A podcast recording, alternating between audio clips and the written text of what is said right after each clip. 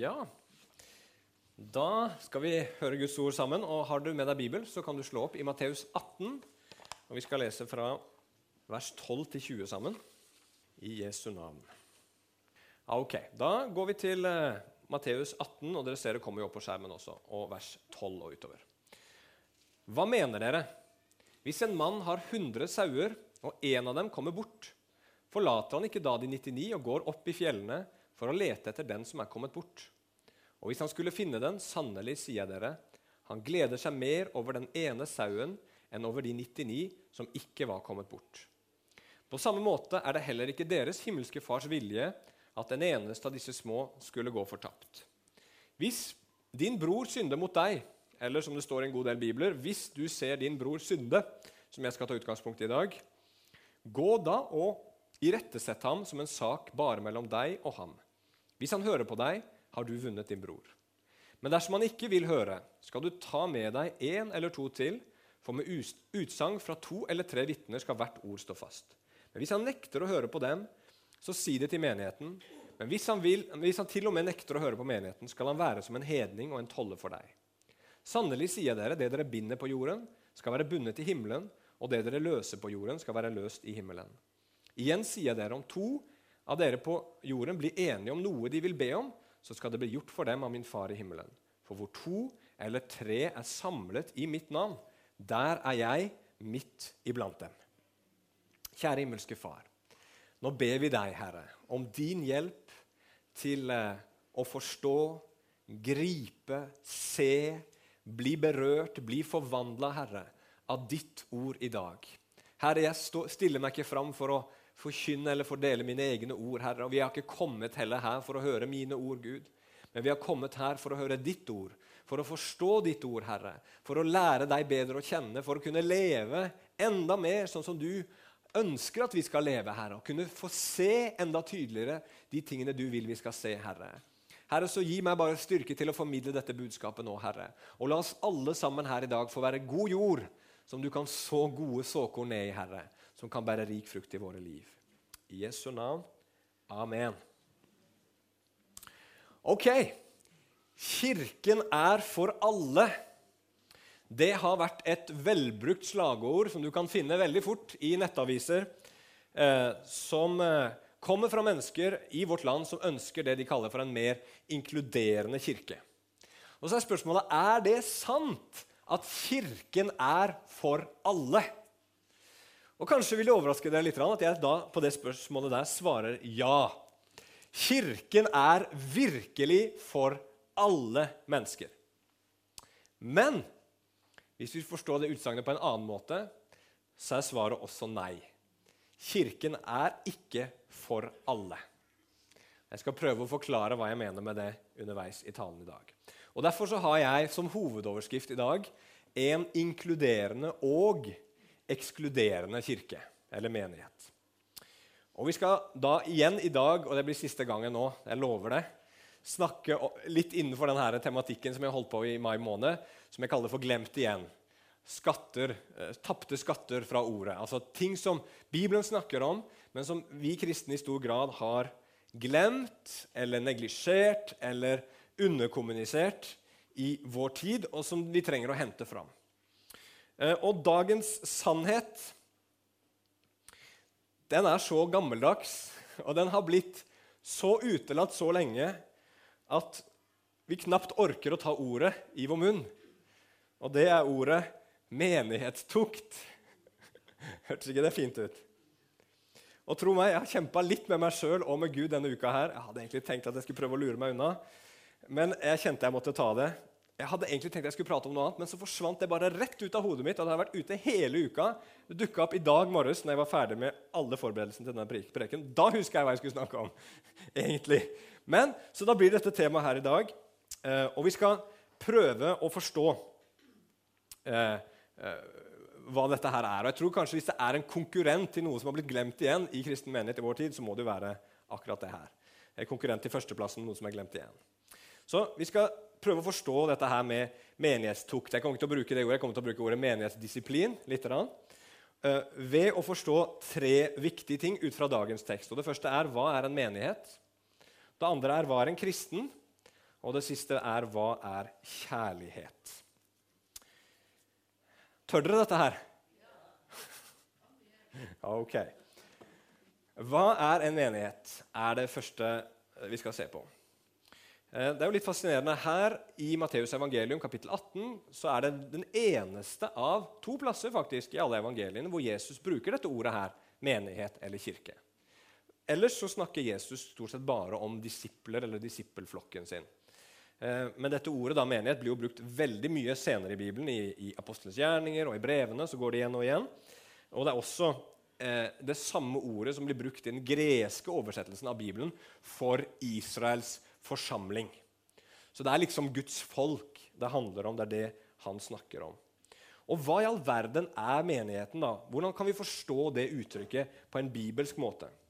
Problemet er nemlig at det ordet menighet så veldig fort blir fylt med annen mening enn det som Bibelen egentlig tenkte var meninga. Vi kan fort tenke på det som en slags organisasjon. ikke sant? Vi kan tenke på det som et bygg. Nå skal vi til menigheten fordi vi skal til bygget. Noen kan tenke på det som en hobby, og noen kan gjøre det til et prosjekt.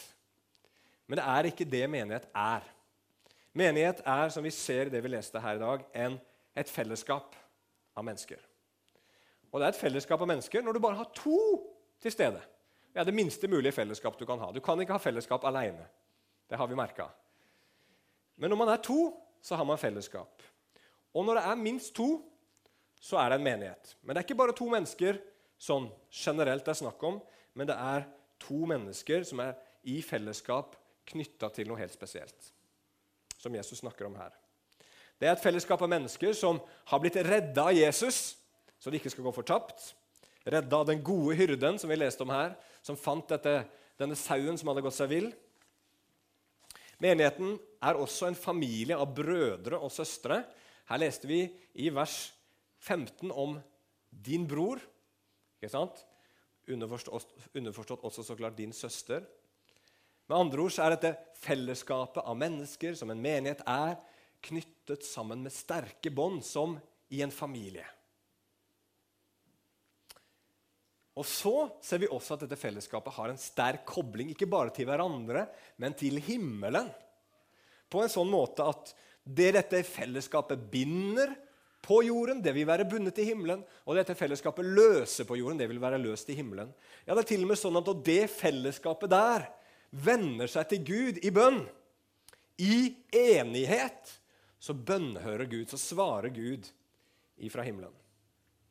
Og til slutt, men ikke minst, det som vi leste helt til slutt her En menighet er et fellesskap der Jesus Kristus er midt iblant dem. Jesus Kristus er her akkurat nå, for vi er samla som en menighet. Men jeg tror vi må tenke litt videre enn at det bare handler om at Jesus er til stede her med sitt nærvær. Han er virkelig det, men det betyr noe mer at Jesus Kristus er midt iblant oss? Jo, det betyr også det at han er sentrum. Vi kommer sammen her ikke for å snakke om vær og vind. Vi kommer sammen her ikke bare for å få gode tips til hvordan vi kan mestre livene våre, barneoppdragelse, lykkes bedre på jobben, eh, klare å takle den vanskelige naboen. Eller lytte til hverandres utfordringer eller gi hverandre litt sånn oppmuntring. Vi er samla her i dag som kristne for å se på Jesus. Det er det det handler om. Han er liksom sentrum. Vi vil høre fra ham. Vi vil tenke på han. Vi vil tilbe han. Vi vil takke han. Han skal være helten. Det er det vi skal minne hverandre om her i dag. At det fins bare én helt i Guds menighet, og det er han. Jesus Kristus. Amen. Han er den skatten som det er verdt å miste alt annet for å få. Han er den gode hyrden og den gode Herren som vi vil følge. Ja, han er livet med stor L, som har seira over døden og latt oss få gå over fra døden til livet, til evig liv. Og Det er en av grunnene til at jeg tenker her, og vi tenker som menighet, at når det forkynnes på Betel, så skal det være Jesus som blir presentert som helten. Det er Jesus som er redningsmannen, det er Jesus som er frelseren, det er Jesus som skal bli stor. ikke predikanten. Er ikke du heller som er helten i ditt eget liv. Er ikke det litt godt å vite? For det er veldig slitsomt å være helt i sitt eget liv. Det er veldig kjekt når du liksom føler du får det til. Tenker 'yes, jeg skal klare det', jeg skal klare det, og så går vi på en smell. Og så går ikke livet så bra, og så er det ikke så enkelt, og så merker vi at vi er svake. Da er det veldig godt å vite at det er ikke du som er helten i ditt liv, men det er Jesus Kristus. Og det er ikke min Jesus vi skal snakke om her i dag, eller din Jesus, eller vår Jesus, men det vi snakker om, den, han som er sentrum i menigheten, det er den virkelige Jesus. Sant? Da kan det godt hende at din Jesus er den virkelige Jesus, det er ikke det jeg sier, men poenget er at dette er ikke noe subjektivt, noe som vi finner på eller finner opp, men vi snakker om den Jesus som vi finner i Bibelen. Han her som vi nettopp hørte tale til oss gjennom sitt ord. Og Der har du en definisjon på menighet. Et fellesskap av mennesker som er knytta sammen som brødre og søstre fordi de er blitt redd av Jesus, som er kobla til himmelen, og som har Jesus i sentrum. Og hvordan blir man da en del av det fellesskapet? Hvem kan bli en del av det fellesskapet, og hvordan blir man en del av det?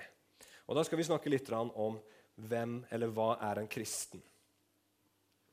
Så hvem kan bli en kristen? Og i det spørsmålet så er Bibelen vanvittig, utrolig inkluderende. Fullstendig inkluderende.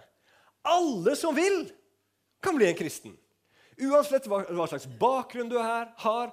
Alle, altså alle kategorier mennesker du tenker på. Hvis du kan komme opp med å finne på en kategori menneske, og så spør du kan de også bli kristne, så er svaret alltid ja, ja, ja, ja, ja, ja, ja, ja. ja. Uansett hvem du er, så kan du bli en kristen. Sånn er Jesus. Han inkluderer absolutt alle i sin menighet. Alle kan bli kristne. Men når det så kommer til spørsmålet hvordan blir man en kristen? Hvordan kan man komme inn i dette fellesskapet som kalles for menighet, og som er Guds folk? Der blir plutselig alt sammen ekstremt ekskluderende. Er dere med? Alle kan få lov å komme inn, men det fins bare én vei inn. Det fins bare én måte man kan bli en del av Guds menighet på. Du kan ikke bli en kristen på den måten du vil. Det fins bare én måte, og det er den måten som Jesus viser oss her, og som Bibelen snakker om. Du må bli redda av Jesus, som er den gode hyrden. Det er det eneste som kan ta deg inn i Guds menighet. Så frelse er nemlig ikke Gud er glad i deg akkurat sånn som du er, og han vil passe på deg og hjelpe deg mot alt vondt og farlig i livet. Og så vil han hjelpe deg å utvikle ditt potensial. Sånn presenteres eller tenkes det mye om hva det vil si å bli en kristen i dag. Under forskjellige eh, kanskje varianter og ord. Men det er ikke sånn at Gud er en sånn snill bestefar i himmelen som sitter og ser at jeg har det fryktelig vondt og vanskelig. og og, og, og, lider med dårlig selvfølelse og negative tanker. Og, liksom, mennesker er slemme med meg. Og så kommer han og sier, 'Å, Magnus, jeg ser deg, du har det vondt, men jeg er snill, og jeg skal hjelpe deg.' Men det er noe sant i det. Gud er jo sånn delvis. Sant? Han bryr seg om oss, han ser når vi har det vondt. Han vil hjelpe oss med problemene våre. Men det er liksom bare et halvt bilde av hvem Gud er, og hva vårt problem er. For du og jeg vi er på en måte sauer som Gud har skapt, og som Gud har skapt til å leve i hans flokk på hans måte. Men som har blitt opprørske, ikke sant? og som har gått på våre egne veier, langt bort fra denne gode hyrden. Og det går aldri bra. Og Derfor så er vi sånne forkomne skitne, magre, forslåtte sauer som har kommet bort fra hyrden vår. Og vi har det ikke bra, men så kommer Jesus. Og så står det at han oppsøker oss, han leiter etter oss. Han, han prøver å finne oss for å redde oss. Ikke bare redde oss fra, fra liksom alle de ytre problemene våre som vi har i livene våre, men for å hjelpe oss med vårt indre problem for å hjelpe oss med vårt eget opprør. For ikke bare redde oss fra alt mulig annet, men for å redde oss fra oss sjøl, for å forandre hjertene våre. Og det gjør han ved å bringe oss til det som vi har snakka om tidligere i denne serien, til omvendelse. Sånn som det står så fint i 1. Peter 2, 25. Vi for alle vill som sauer, men vi har nå vendt oss om til vår sjels hyrde og tilsynsmann.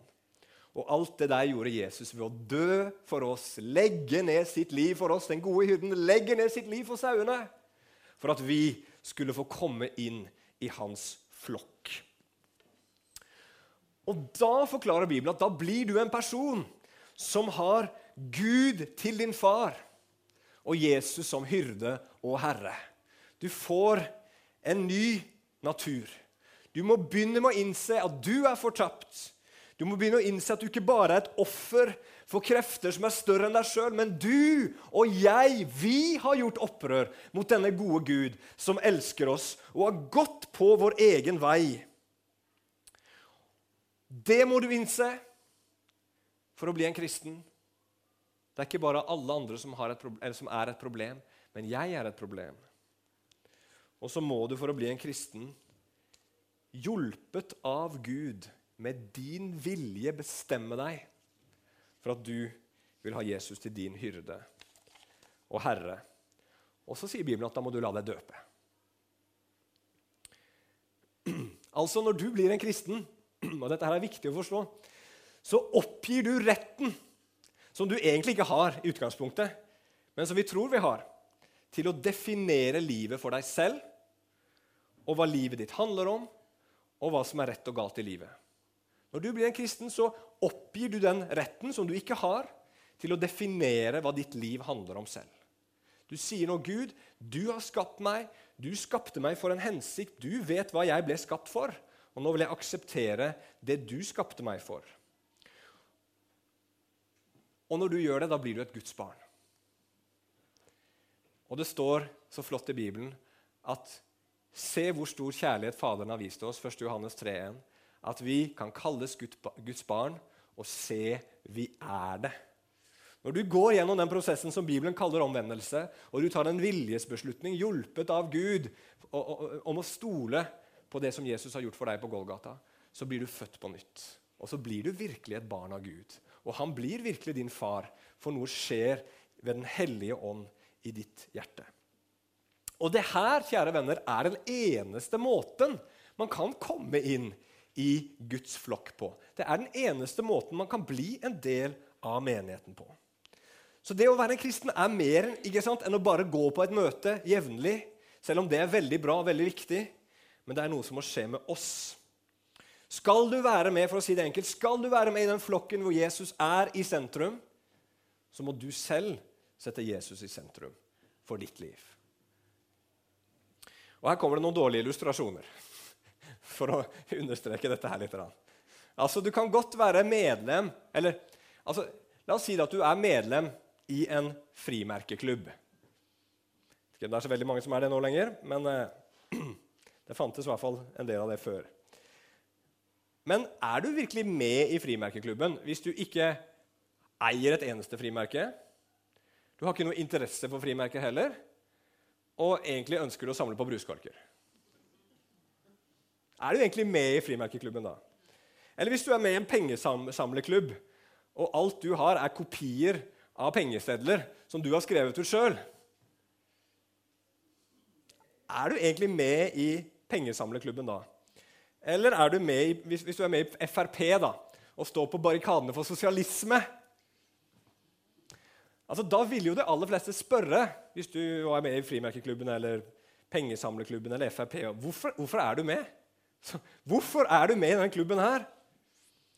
Hvis du da svarer ja, fordi jeg håper at frimerkeklubben skal bli en bruskorksamleklubb, eller at Pengesamleklubben skal bli en falskmyntersamlerklubb, eller hvis du sier det fordi jeg ønsker at Frp skal bli et sosialistisk parti, så blir det jo enda tydeligere at ikke bare er du ikke med, men dypest sett så er du imot. Er dere med på tanken min? For hadde du bare vært interessert i din egen ting, bruskorker eller falskmynteri, eller hva det skulle være, så hadde du bare starta din egen greie eller gått med noen som var enig med deg. Og det som er Poenget her er det at menighet er noe som Jesus Kristus har starta. Det var han som bestemte at det skulle være, og det kommer fra Gud. Og han bestemmer hva det er. Han setter retningslinjer, han setter visjon, han setter verdier. Han eier hele greia. Denne menigheten her er det Gud som eier. Det er Jesus sin menighet. Det er hans menighet. Det er han som bestemmer. Og er man da virkelig med hvis man da ønsker å gjøre det hele på sin måte, og ikke på Jesus sin måte? Eller hvis man har som mål å forandre hele greia fra det det var tenkt opprinnelig å skulle være? Og dette her er dårlige illustrasjoner, kanskje først og fremst fordi vi vet jo at menighet er noe mer enn en frimerkeklubb eller et politisk parti. Det er noe som handler om hele livet ditt og mitt. Det handler om alt jeg gjør. Det handler om hvem jeg er. Så hvis du er med i Guds menighet, og du ønsker å leve og gjøre det på din egen måte, på tvers av det Gud sier, så kaller Bibelen det for synd. Det er synd å ikke leve sånn som Gud sier vi skal leve. Eller hvis man har, er med i Guds menighet, men har som mål å forandre hele greia grunnleggende, da kaller Bibelen det for falsk lære. Og det er i sånne tilfeller som det at dette med menighetsdisiplin kommer inn, det som Jesus prater om her. Og Det skal vi snakke litt om nå, men under en overskrift som er 'Hva er kjærlighet?' Og Jeg tror vi trenger å begynne der. Og Dette er et veldig viktig spørsmål. Hvordan elsker vi andre mennesker? Og definisjonen på det og det er klart Et ord, et ord er, er, det det er, men dets betydning forandrer seg veldig ofte i forskjellige kulturer og i, i liksom de utviklinger som finner sted i et samfunn. Og I dag så tror jeg veldig mange mennesker ville definere ordet kjærlighet eh, eller det å elske andre mennesker som det å være inkluderende og akseptere mennesker som de er. Det er typisk, tror jeg, i dag. Og da når noen hører at noen siterer Bibelen ikke sant, og sier Gud er kjærlighet, så konkluderer mennesket med at ja, men da må jo Gud være en sånn inkluderende og aksepterende Gud. Fordi han er jo kjærlighet, og kjærlighet er jo inkludering og aksept. Og, men som vi har sett allerede, det er bare en delvis sannhet. Ja, Gud er inkluderende. Han inkluderer virkelig alle. Men du kan bare bli inkludert på hans måte. Er dere med? Men dette her, som liksom har blitt definisjonen på kjærlighet i vår tid, er egentlig et helt umulig konsept. Og ingen etterlever det. Selv disse inklusjons- og akseptfanatikerne klarer det ikke. For ingen klarer å inkludere alle. Du ender bare opp med å inkludere dem som deler ditt syn på hva som er innafor. Og du klarer bare å akseptere alle de som aksepterer ditt syn på hva som er akseptabelt. Sant? Det er ingen som alltid inkluderer alle. Det kan du, jo, du kan jo prøve det sjøl. Gå inn i en av disse veldig såkalt inkluderende gruppene og si hva du mener. Så skal du se om du blir inkludert. Nei, Kjærlighet det må defineres med et annet utgangspunkt. Kjærlighet må defineres ut fra sannhet og fra en absolutt sannhet. For kjærlighet det må være å ville og forsøke å gjøre det beste for et annet menneske. Det er kjærlighet. Det må jo være definisjonen på kjærlighet. Å ville det absolutt beste for et annet menneske. Men hvordan kan jeg vite hva som er det beste for et annet menneske, hvis ikke jeg kjenner sannheten? Du må vite hva som er sant for å kunne elske. Eller så blir det bare gode intensjoner. Hvis du skada deg og jeg ikke hadde noen doktor umiddelbart tilgjengelig, og denne her skaden krevde en operasjon, vil det være kjærlighet fra min side da, da å sette i gang operasjonen? Nei, ikke hvis jeg ikke visste hva jeg gjorde. Jeg kunne kanskje hatt en god intensjon. Jeg kanskje, kanskje, jeg trodde jeg visste hva jeg gjorde. Men, men kjærlighet ville vært enten å avstå fra å prøve å gjøre noe som helst, fordi jeg visste at dette her vet jeg ingenting om, eller prøve å finne ut av hva det er jeg kan gjøre. Men kjærlighet krever sannhet for at det skal kunne bli kjærlighet. Og hvor finner vi da sannheten? Jo, for oss kristne er det svaret nettopp hos Jesus. Det er Jesus, hans ord. Det er her vi finner sannheten. Og når vi finner sannheten i Jesus, så er det også det som definerer hva kjærlighet er for noe. Okay? Kjærlighet er å søke det beste for mennesker ut ifra hva Bibelen forteller oss er sant. Så når vi da ser en bror eller en søster synde og Legg bare merke til med en gang at det står at man ser. Det står ikke at man endelig fant en synd etter lange og nitidige undersøkelser. Er dere med? Det er ikke liksom sånn at man skal gå rundt i en menighet og se hm, er det noen jeg må formane her i dag. Nei, men hvis man bare oppdager at en person har underslått penger, f.eks., eller lever i grådighet, eller sex utenfor ekteskap, eller rusmisbruk, eller falsk lære, som vi var inne på også Og det er en bror eller en søster altså, Det er jo et viktig poeng. Altså, det er en, en kristen bror eller søster. Altså faktisk noe som Bibelen definerer som synd. Ikke sånne ting som vi mennesker finner på å kalle synd. Og litt av tror jeg, grunnen til at dette her med menighetsdisiplin har blitt så forsømt, er jo det at man var fryktelig løs på avtrekkeren, for å si det sånn. da.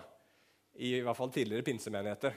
Jeg har hørt om, jeg har ikke sett det selv, men sånne protokoller da, i gamle pinsebøker hvor mennesker da liksom ble ekskludert fra menigheten fordi de hadde vært på basar og tatt lodd. Det var litt intenst, eh, litt unødvendig kanskje. Men, men, hvis det faktisk er at noen har brutt et Guds bud, og personen helt klart og helt tydelig ikke har innsett det og liksom gjort opp, men, men fortsetter i det Hva skal man gjøre da? Hva er kjærlighet da når man ser en bror eller en søster man er glad i, og man ser at de har kommet inn i noe som Bibelen kaller synd, og som Jesus sier er ødeleggende for oss mennesker? Jo, da kan vi ikke være likegyldige, kan vi være det? Ja, ja, de får bare holde på som de sjøl vil. Jeg vil ikke ha noe mer problemer i livet mitt. De får bare styre på. Kan man være det? Nei. Er det kjærlighet å bekrefte, da? Og bare si ah, ja, det er ikke så farlig, det er fint. Og bare vær deg sjøl og gjør det du føler for. Så går det sikkert bra. Nei. Er det kristelig å være dømmesyk? Ja, nå ser vi hvem som er en dårlig kristen her, ja. Du burde heller gjøre sånn som meg. Ikke sant? Og så begynner man å heve seg selv opp og, og liksom se på denne broren eller søsteren som en som er en mindre god kristen enn seg selv. Det er heller ikke en kristen holdning. Kristen vet at han er en synder. Det betyr ikke at vi ikke står rettferdig for Gud, det er ikke det det handler om, men det vet at vi også har den samme tilbøyeligheten. Og jeg kunne vært der du er. Og så kommer man til sin bror eller sin søster med tårer i øynene heller enn med en pekefinger. ikke sant? Og sier hvis det hadde vært omvendt, hvis du hadde vært meg og jeg hadde vært deg, så ville jeg at du skulle komme og si ifra til meg også. Og så står det også at det gjelder ja, og, det, og, og heller ikke ryktespredning. ikke sant? Hva skjer veldig ofte? Ja, 'Har du hørt hva, hva han har gjort nå, eller hun har gjort nå?' Det er ikke det man skal gjøre heller. Man skal gå til den det gjelder personlig, under fire øyne. Og så står det så fint her at man skal forsøke å vinne sin bror eller søster. Det, det ligger så mye kjærlighet i det. ikke sant? Man vil vinne dem. Man vil vinne dem. For synd er nemlig ingen sånn triviell ting. Selv om Jesus døde for alle våre synder, så er det veldig tydelig i Bibelen at det er ikke en, ikke en triviell og ufarlig ting. Og Man må forklare til sin bror eller søster dette her er galt i Guds øyne. Dette er mot hans bud. Dette her er og Kanskje det er noe av det viktigste å forklare for oss og forstå. Dette her er å ta et steg bort fra den gode hyrden. Henger dere med på tanken? Si, 'Vet du hva? Nå er ikke Jesus lenger sentrum i livet ditt.' Nå har du flytta blikket ditt vekk. Fokuset ditt har blitt feil. Og så må man forklare, med en. Jesus døde for oss. Han døde for våre fortidige synder, han døde for våre nåværende synder, og han døde for våre framtidige synder.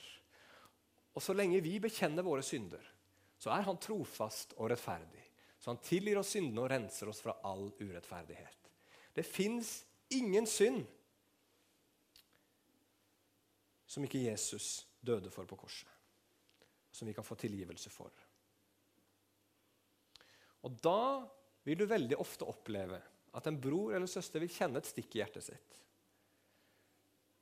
Og så vet de at det er galt, og så får man be sammen, og så får man komme tettere på hverandre. Og så kjenner man på kjærlighet, man kjenner på varme, og man kjenner på gleden av å ha vunnet sin bror.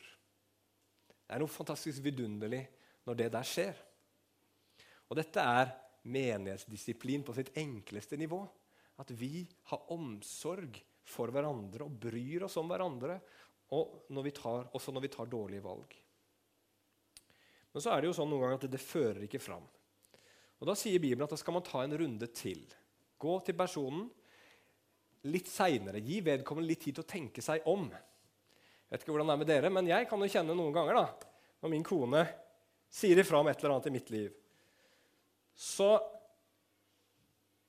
så sier hun Magnus, det var ikke bra, det du sa til meg da, eller gjorde der. Så er det et eller annet inni meg som liksom ikke akkurat der og da har så veldig lyst til å falle på mine knær og si nei, uff, det var dumt. Det fins bare 100 grunner i hodet mitt til hvorfor jeg gjorde akkurat det, som rettferdiggjør fullstendig mine handlinger. Og Jeg vet at dere ikke kjenner dere igjen i det, men det kan hende at det er noen andre mennesker som dere treffer på deres vei, som har det problemet. Men da er min kone klok. Da gir hun meg litt tid. Hun vet at Magnus han, eh, han pleier å innrømme sine feil på sikt.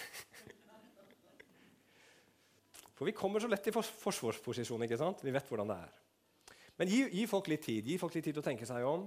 Kanskje skjer det en del ting, og så får man mykne opp hjertet sitt litt. Og så kan man ta det opp igjen. Og så står det at man skal ta med seg fler. Eh, og det, det, hvorfor det? liksom? Er det fordi at man skal liksom, legge ekstra trykk på? Liksom bare Sitter den lille stakkars synderen og tre stykker, tre mot én? Er det det som er greia? Er det nok heller det, tror jeg, at her, her er det for å bekrefte at dette er ikke bare min mening. Men her har vi andre brødre som også kan bekrefte at dette er feil fra Guds ord. ikke sant? Og så funker ikke det, så skal man ta det for hele menigheten. Og Da er det heller ikke sånn der David mot Goliat eh, omvendt da, liksom, opplegg, men det er heller det at man skal overbevise kjærligheten kjærlighet om at dette er virkelig det alle vi brødrene og søstrene dine faktisk mener er sant. Dette her er synd. Dette er noe som vi må vende oss om ifra. Og Vi er glad i deg, og vi ønsker bare det beste for deg, men dette her kan du ikke fortsette å leve i hvis du skal være en kristen. Og da, på det tidspunktet der, så blir det i grunnen tydelig hva som befinner seg i hjertet på den som blir konfrontert. Har han eller hun satt sin egen autoritet over menighetens autoritet? Og i da, dette tilfellet her også er det klart Guds autoritet. ikke sant? Og Da kan man jo stille seg spørsmålet hvis jeg setter meg selv over Guds autoritet, er jeg per definisjon da en kristen? Nei, det er jo nettopp det vi har sett, at en kristen er en som sier nei, Gud, du har rett. Jesus, du er min hyrde. Du vet best for meg, og jeg vil legge meg under det som du har sagt. Og da må man, sier Jesus, gjøre det som er veldig riktig og veldig kjærlighetsfullt å si. Og det er etter min dømmeevne, etter hva vi kan se fra Bibelen nå, så har du satt deg utenfor Jesus sitt herredømme. Ditt valg har ført til at du har bestemt at Jesus ikke lenger skal være herre i livet ditt. Og da har ikke jeg heller mulighet til å regne deg lenger som en kristen. Og hvis vi skal gjøre det skikkelig Hvis vi skal ta det tyren ved hornet her, så kaller da Paulus dette her flere steder i Bibelen å overgi det mennesket til Satan. Og Det høres jo helt forferdelig ut. Og vi hører det med en gang så bare Men hva betyr det? Det betyr veldig enkelt at det fins bare to riker. Enten så er du i Guds rike, eller så er du i mørkets og opprørets rike. Og Hvis da mennesket sier at jeg vil ikke være under Jesus sin autoritet, så har man satt seg i et annet rike. Og Paulus sier at han gjør det for at de skal kunne vende om. Det ligger flere ting i det, men jeg har bare lyst til å si én eneste ting om det. som jeg tror er viktig.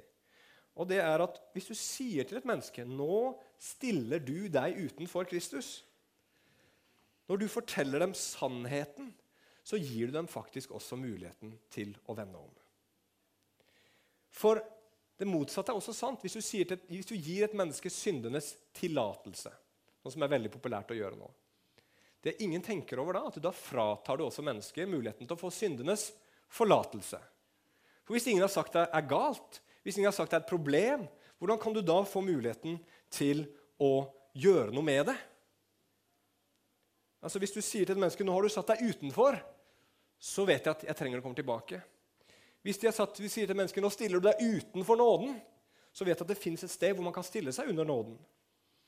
et sted hvor de kan søke tilbake. Hvis de tror alt er i orden, hvordan kan de da søke hjelp? Og Det står jo om det i Bibelen at det kommer noen mennesker på dommens dag som trodde de var innenfor.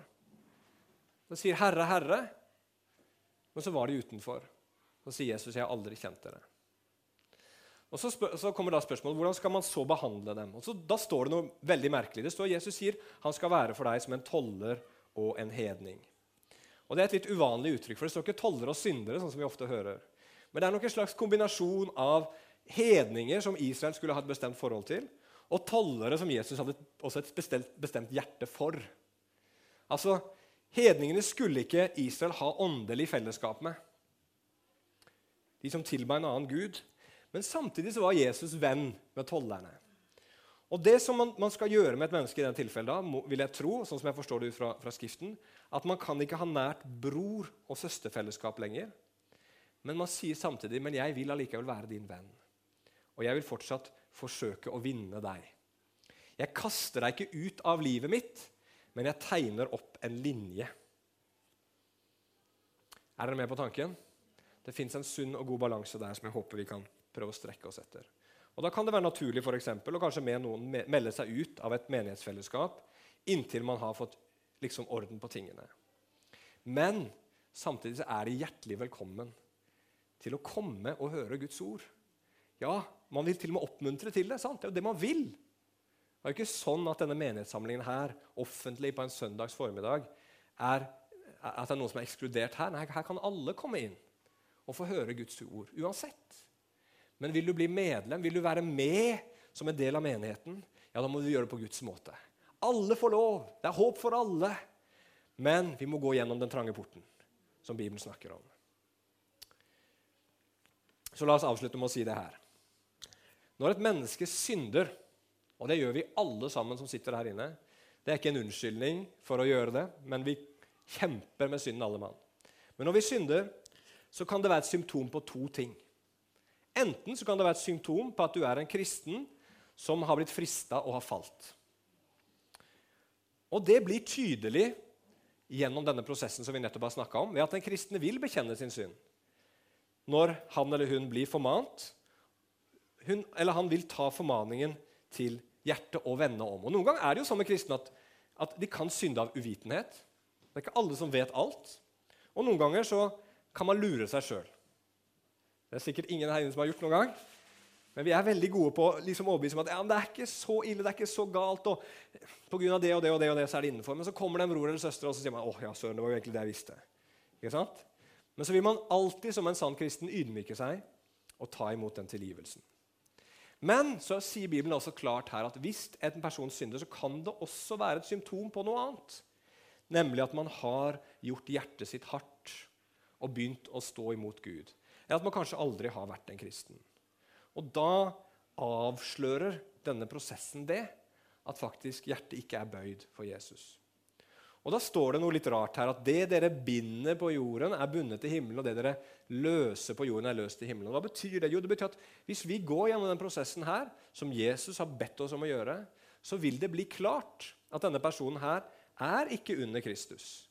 Og Da sier vi som menighet nei, du, eh, ut fra de valgene du har tatt, så har du stilt deg utenfor. Og da sanksjonerer himmelen det. Himmelen sier det, det bekrefter det. på en måte. Men hvis personen vender om og vi sier ja, du, nå har du vendt om, lagt deg under Kristus igjen, nå er du innenfor. Så vil også himmelen sanksjonere det og si at nå er denne personen innenfor i Guds rike. Og Problemet er nettopp det her, og jeg, skal, jeg holder på å avslutte. altså. Hva skjer med en menighet hvor man ikke konfronterer synd, og mennesker bare fortsetter å forherde sine hjerter mot Gud og Hans ord? Og de blir værende, og de blir flere. Jo, det som skjer Da da blir det en kirke hvor Jesus Kristus ikke lenger er midt iblant dem. I den forstand at Jesus Kristus ikke lenger er i sentrum. Han er ikke lenger herre. Og da begynner man å snakke om rettigheter hele veien. Kan du bare, bare legge merke til det ordet der sånn.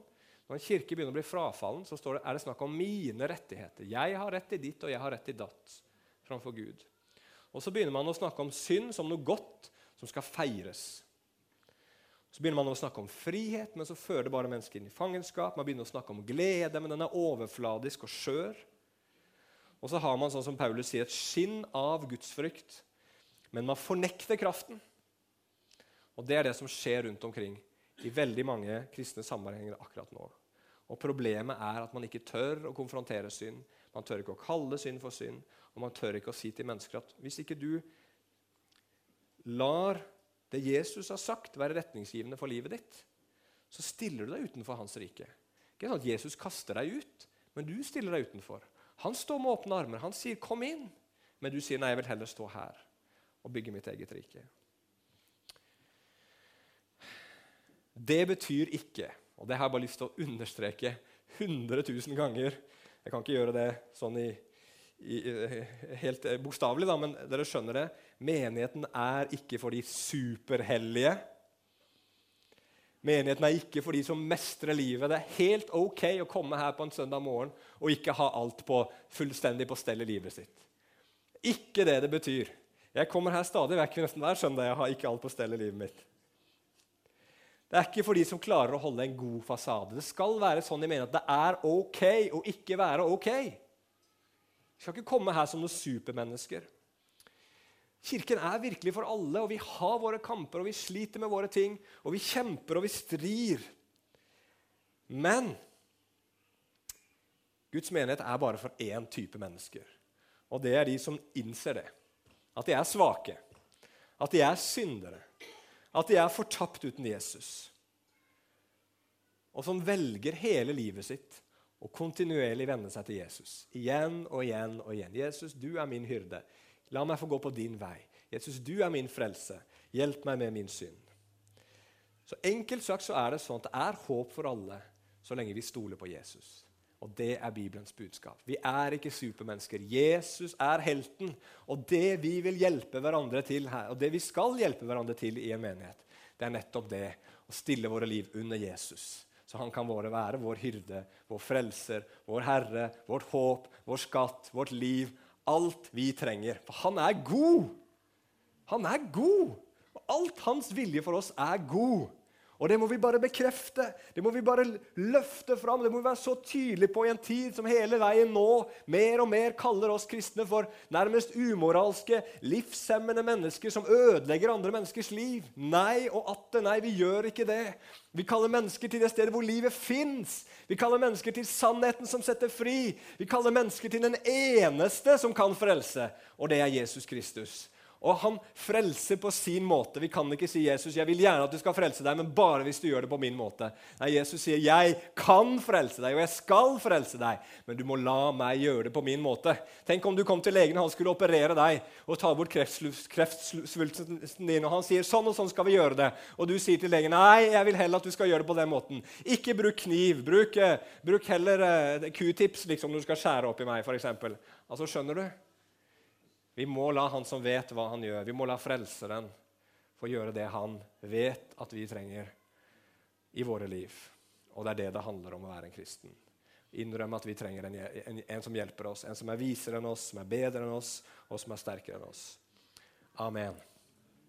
Ja, kjære himmelske Far, vi bare takker deg fordi at ditt ord er sannhet, Gud, og det setter oss fri. Og Herre, jeg har bare lyst til å be om hjelp i denne tiden til å bringe dette budskapet ut til alle mennesker. Om at vi er alle syndere, vi er alle fortapt. Det er ingen av oss som får det til. Vi er håpløse, hele gjengen. Men at det finnes håp for alle mennesker. Bare i Jesus Kristus, under hans herredømme, i hans rike, under hans eh, makt og kjærlighet og hjelp og nåde. Herre, bare la oss få din hjelp i Jesu navn også til å leve på den måten. Herre, vi, vi kjemper alle som en, Herre. Hjelp oss å ha myke hjerter. Hjelp oss å ha myke hjerter, Herre, så vi ikke blir lurt av syndens bedrag. Men så vi heller i denne tiden, Herre, kan få oppleve gleden, freden og friheten, Herre, ved å leve etter ditt ord. I Jesu navn. Amen.